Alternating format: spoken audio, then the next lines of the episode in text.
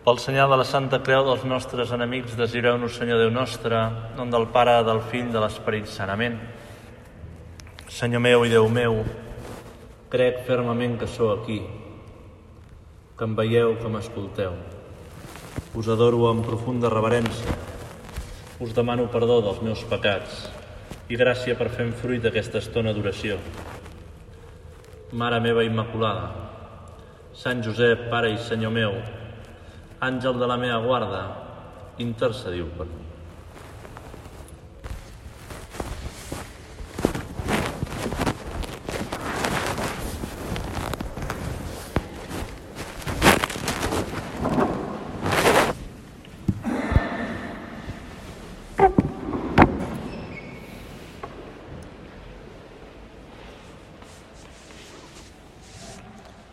Amb la vostra llicència, sobirà Senyor sacramentat.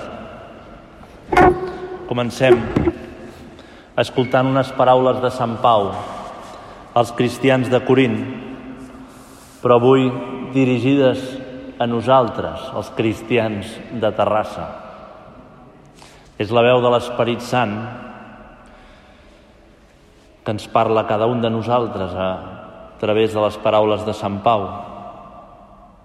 El títol que li han posat en el Nou Testament és la crida dels més dèbils. I diu així, Germans, fixeu-vos qui sou els que heu rebut la crida. No n'hi ha gaires de savis a la manera d'aquest món, ni gaires d'influents o de bona família. Ben al contrari, Déu, per confondre els savis, ha escollit els qui el món té per ignorants. Per confondre els forts, ha escollit els qui són febles als ulls del món. Déu ha escollit gent que no compta, els que el món menysprea. Ha escollit els qui no són res per anul·lar els qui són alguna cosa. Així, ningú no es pot gloriar davant de Déu.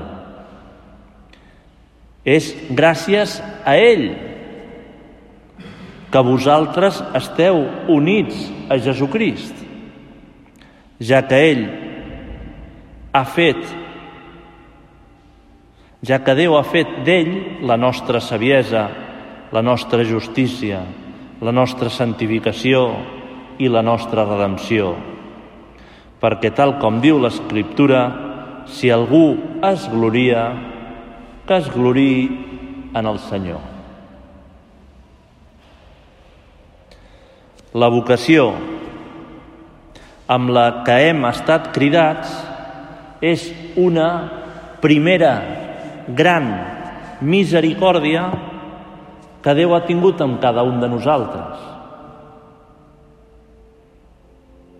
Això ho tenim clar, Jesús, en el moment de la nostra crida, però aquesta crida dinàmica, constant, diària, també és així, és sempre una gran misericòrdia primera de Déu. Déu no ha pensat en una empresa, l'Església, l'evangelització,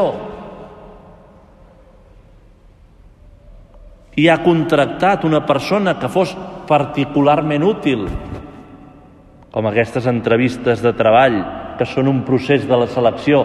Aviam, qui és capaç de portar aquest missatge més perfectament a la gent d'avui?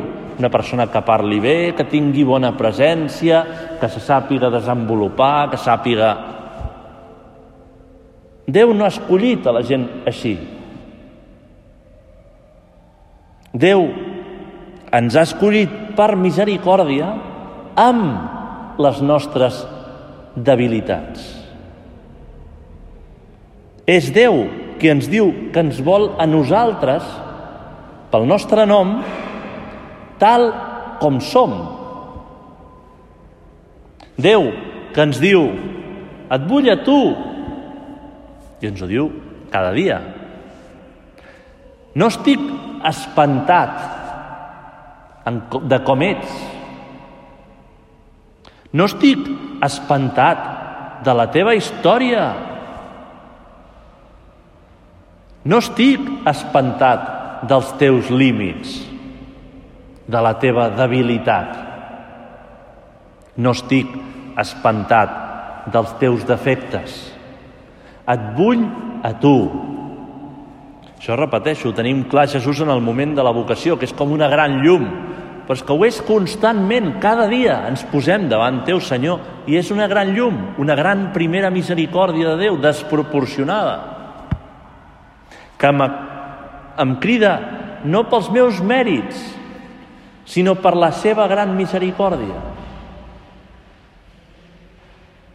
És ell qui farà les coses en nosaltres si li deixem, si acceptem com som, sense voler apropiar-nos de la vocació, com arribar a mereixer-la, ser prou dignes. És un perill que passi el temps i ens apoderem com si fos nostre, com si ens ho mereixéssim, com si fos una cosa merescuda. Per això hem de tornar enrere i descobrir la misericòrdia de Déu.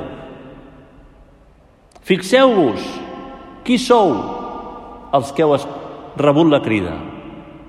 No n'hi ha gaires de savis.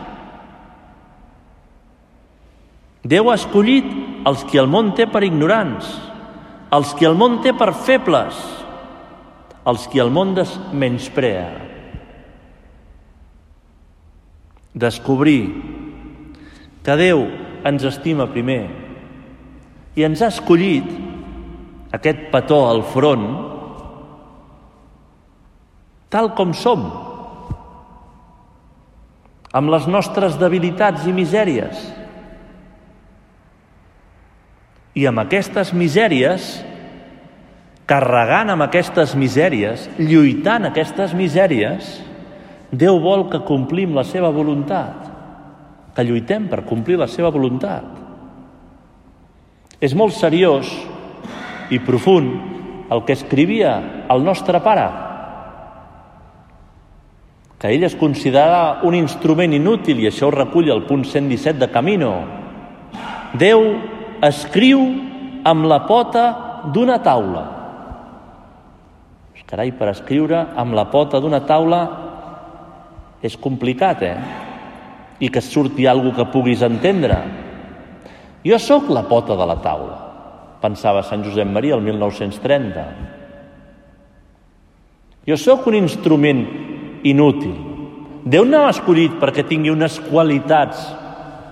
Déu m'ha escollit perquè a través de la meva docilitat, de la meva fe, farà meravelles, malgrat aquestes debilitats, que sóc la pota d'una taula. Van passar el temps, passa el temps, passen anys, en un viatge d'avió, ja estem parlant de 1960, 1970, una persona de l'obra es troba viatjant amb el mateix avió que Sant Josep Maria i emocionada s'acosta a ell i li diu gràcies a vostè m'he convertit, gràcies a vostè he descobert la santificació enmig del món i ara sóc filla seva. Gràcies a vostè, i el nostre pare la, la para i diu mira, l'Opus Dei és un missatge, una carta, jo sóc el sobre i el missatge és Déu. El sobre, quan arriba el destinatari, es, es trenca i es tira la brossa. Jo sóc un sobre. Una pota de la taula, un sobre que es llença a la brossa. Un instrument. Però hem de deixar escriure a Déu. I un perill que tenim és no acceptar-nos, no acceptar les nostres misèries. Si ens falta l'experiència de la reconciliació amb la nostra debilitat, si la nostra història tot el que hem fet i patit, tot allò que som en el més profund de nosaltres mateixos, allò que ningú veu i que en certa manera ens defineix. Si tot això no està tocat per l'experiència de l'amor de Déu, sinó simplement ho amaguem, ho oblidem, passem per sobre, no serem mai allò que hauríem de ser. I és que hi ha una veritat de fons, i és que amb molta facilitat, amarats pels valors que el món ens posa, aquesta saviesa del món, que parla Sant Pau a la carta als Corins també, vivim la nostra debilitat com una maledicció. No sóc el més adequat per aquesta missió. I Jesús ens diu, i et penses que no ho sabia jo? Vivim la nostra debilitat com una maledicció, com una limitació. Ens jutgem a nosaltres mateixos i sortim culpables. Tendim a enterrar les nostres debilitats, ens desanimem quan veiem que sempre estan allí, dubtem de la bondat de Déu. És una gran tentació del dimoni, eh? quan és que, mossèn, sempre em confesso de les mateixes debilitats. Compte amb la tentació del dimoni de fer-te dubtar de la bondat de Déu, de que Déu t'ha cridat, de que Déu és el teu pare, de que Déu et vol fer sant d'altar. És la gran tentació de l'enemic. Fer-nos dubtar de Déu perquè veiem les nostres misèries amb soberbia. Com pot ser que jo tingui que fer aquesta missió? Tu l'estàs fent. Pues ja estàs. Estàs molt bé, estàs estimant a Déu. No t'ha sortit, però estàs estimant a Déu. Fas el propòsit. Has tornat a lluitar. Doncs pues estàs molt bé.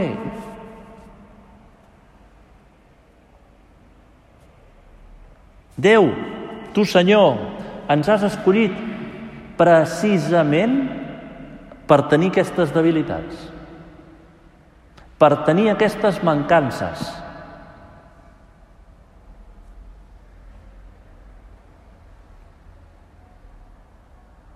Ha escollit els dèbils del món per confondre els savis.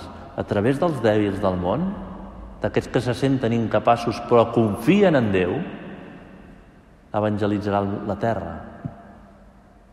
Fixeu-vos, la mentalitat del món va directament en contra.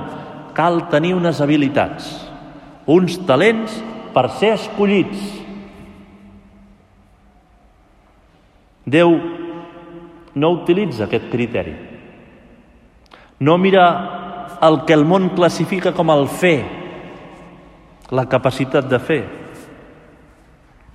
Un exemple ens pot ajudar a entendre això. És l'exemple, la història de David, el famós rei David, que és potser un dels personatges més grans, més famosos, més sants, el sant rei David de la Bíblia.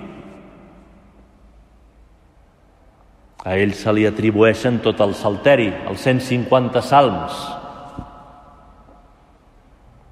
Israel està passant un moment dramàtic. El rei Saül ha perdut el cap, ha perdut la seva relació amb Déu, ha perdut el camí. Déu retira el seu favor de Saül, però Saül s'aferra al càrrec. Déu mana al profeta Samuel a buscar un altre rei que prengui el seu lloc. I així Samuel viatja fins a Betlem. Busca a la família de Gesé, per inspiració divina. Entre aquests fills de Gesé, Samuel té l'encàrrec, la tasca d'entendre qui ha escollit Déu per ser rei. És el cap de contractació, de selecció. És el cap per descobrir qui és el futur rei d'Israel. Ha de fer un discerniment. I precisament quan Samuel està fent aquest discerniment, està escollint el rei d'Israel, Déu li dona una lliçó i ens dona una lliçó a nosaltres, li fa canviar la perspectiva, el punt de mira de la seva elecció. Quan arribà, explica la Bíblia, va veure Eliab i pensar, que té Samuel, Segur que el Senyor ja té davant el seu elegit. Però el Senyor li digué a Samuel, no et fixis en el seu aspecte ni en l'alçada alçada de la seva talla. L'he descartat. Allò que l'home veu no és allò que val. L'home veu només l'aspecte exterior, però Déu veu el fons del cor. I això ja és una bomba amb la mentalitat del món que es fixa en les aparences, que viu de l'acció exterior, de les capacitats exteriors. El món viu de l'aparença.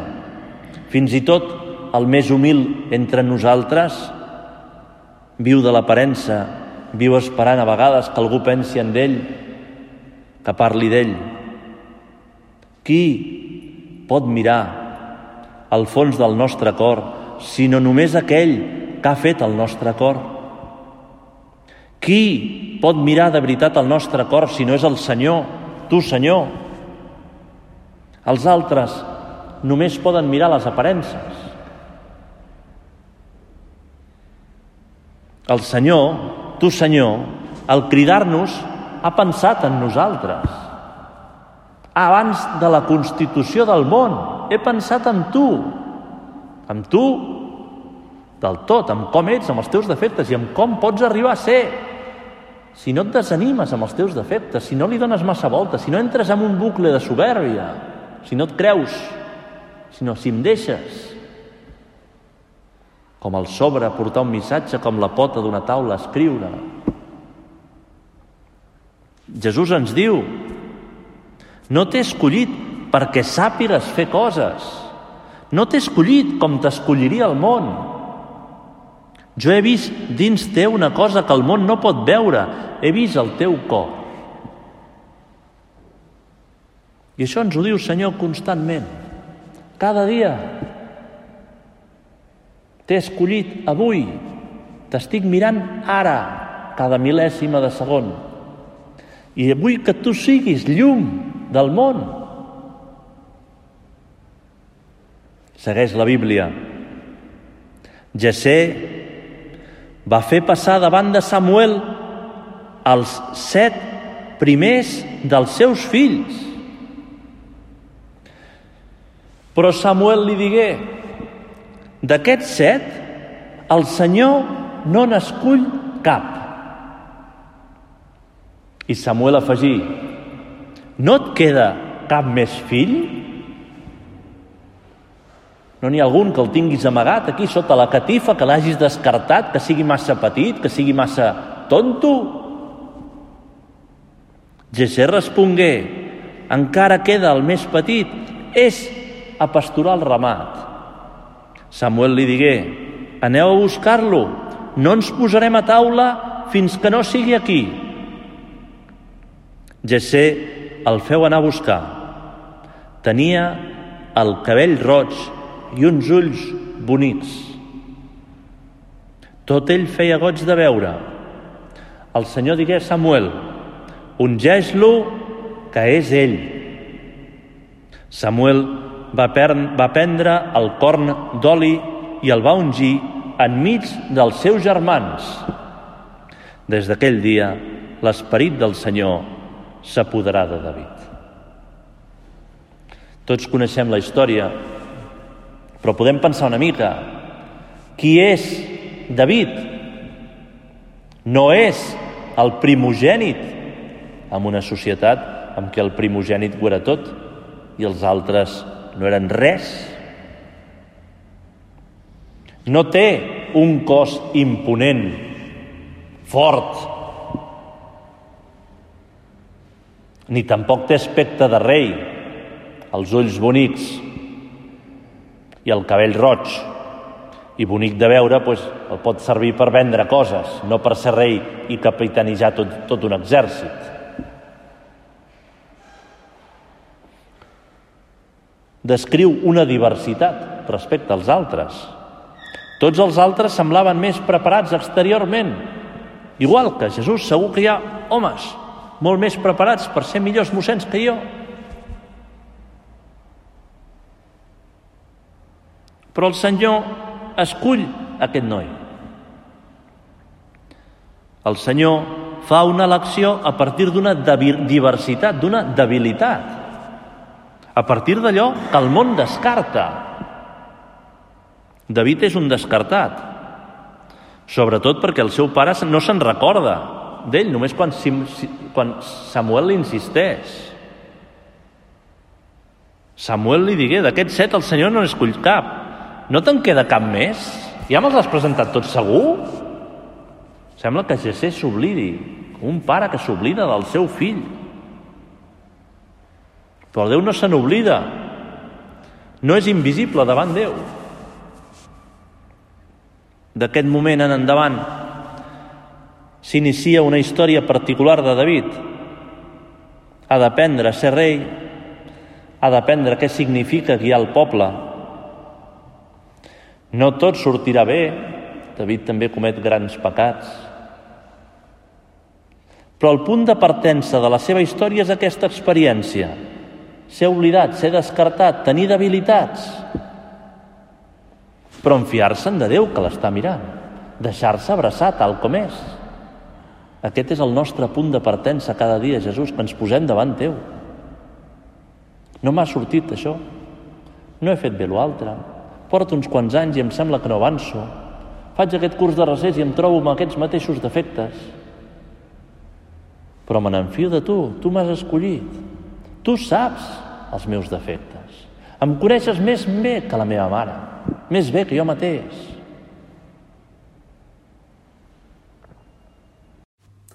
Aquest és el punt de partença de tota la seva història, l'experiència de ser oblidat, descartat i al mateix temps de ser escollit. És un punt de partença al que podem tornar molts cops. No només és l'origen, és cada dia una nova retrobada amb Déu. Al mateix temps, David té una cosa que els seus germans no tenen. Alguna cosa diferent al seu cor. Déu mira el cor, no les aparences. La història de David no és una història lineal. Hi ha alts, baixos, fidelitats i infidelitats, moments de fortalesa, moments de debilitat, moments de temptació. Hi ha moments de fer cas a Déu, abandonar-se, ser fort en la fortalesa de Déu. I moments que no accepta la seva debilitat, que s'amaga, que abandona Déu, que es tanca en si mateix, que s'enfonsa. També la nostra història és així, Jesús. I també hem de ser conscients de la mirada de Déu, de la fidelitat de Déu que mai ens abandona, que ens ha escollit definitivament i amb les nostres debilitats. No és irreal, Déu. Ens ha escollit amb les nostres debilitats, perquè ens recolzem en elles i les oferim.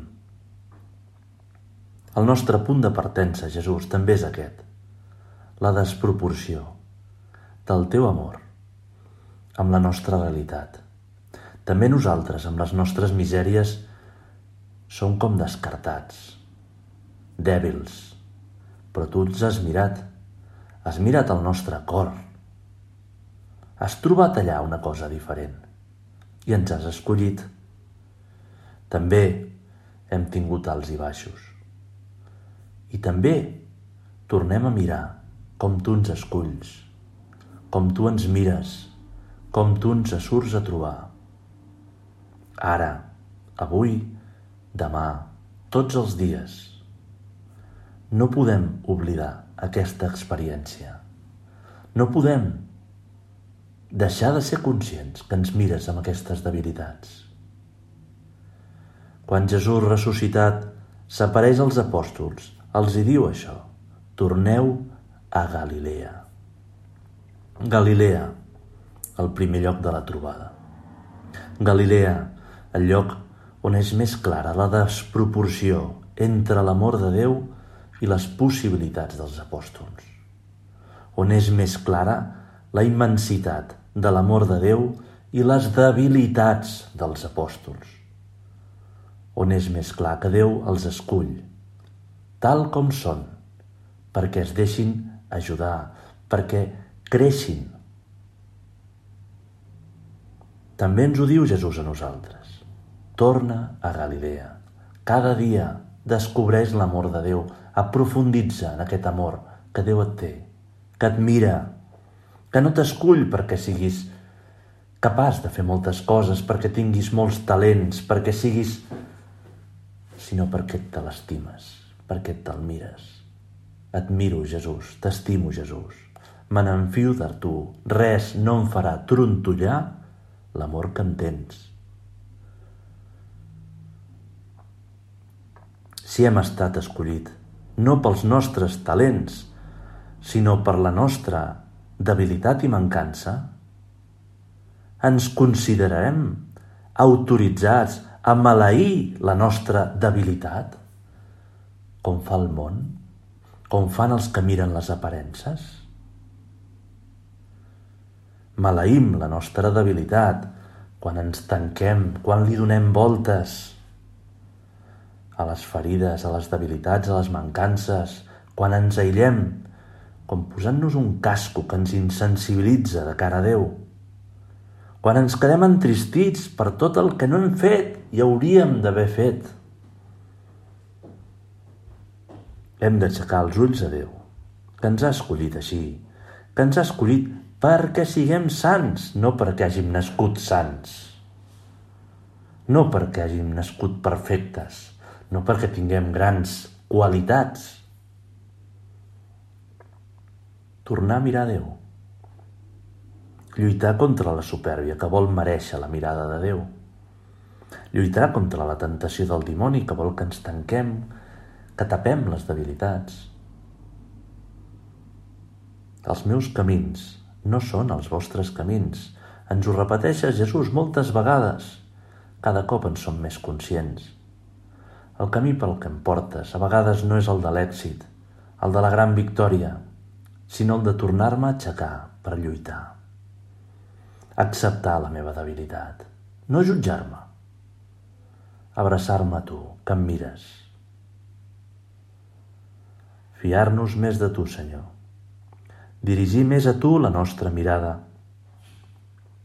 lluitar, cada dia moltes vegades, per tallar tot el món de pensaments autorreferencials tancats en nosaltres mateixos. No és gens fàcil aquest camí. Com carregar la creu tampoc és fàcil. Com redimir tu, Senyor, a través de la mort, a través de la debilitat, a través del fracàs. No és gens fàcil, però la unció que rebem de l'Esperit Sant, com la del rei David, és la que ens fa capaços de fer la voluntat de Déu, de fer meravelles amb la pota d'una taula, amb un sobre que porta un missatge, amb un instrument inepte. Mirem a la Mare de Déu, esposa de Déu Esperit Sant. Oh, com m'agradaria, mare meva, tenir aquesta docilitat. Deixar que l'Esperit Sant m'omplís, no només en les coses bones, sinó també en les mancances i debilitats. Mare nostra, ajuda'ns a abandonar-nos més en Jesús. Ajuda'ns a tornar a la nostra Galilea. Ajuda'ns a tornar a descobrir cada vegada que la debilitat ens punxi descobrir la desproporció de la mirada de Déu, de l'amor de Déu. Acceptant les misèries, descobrir la mirada de Jesús.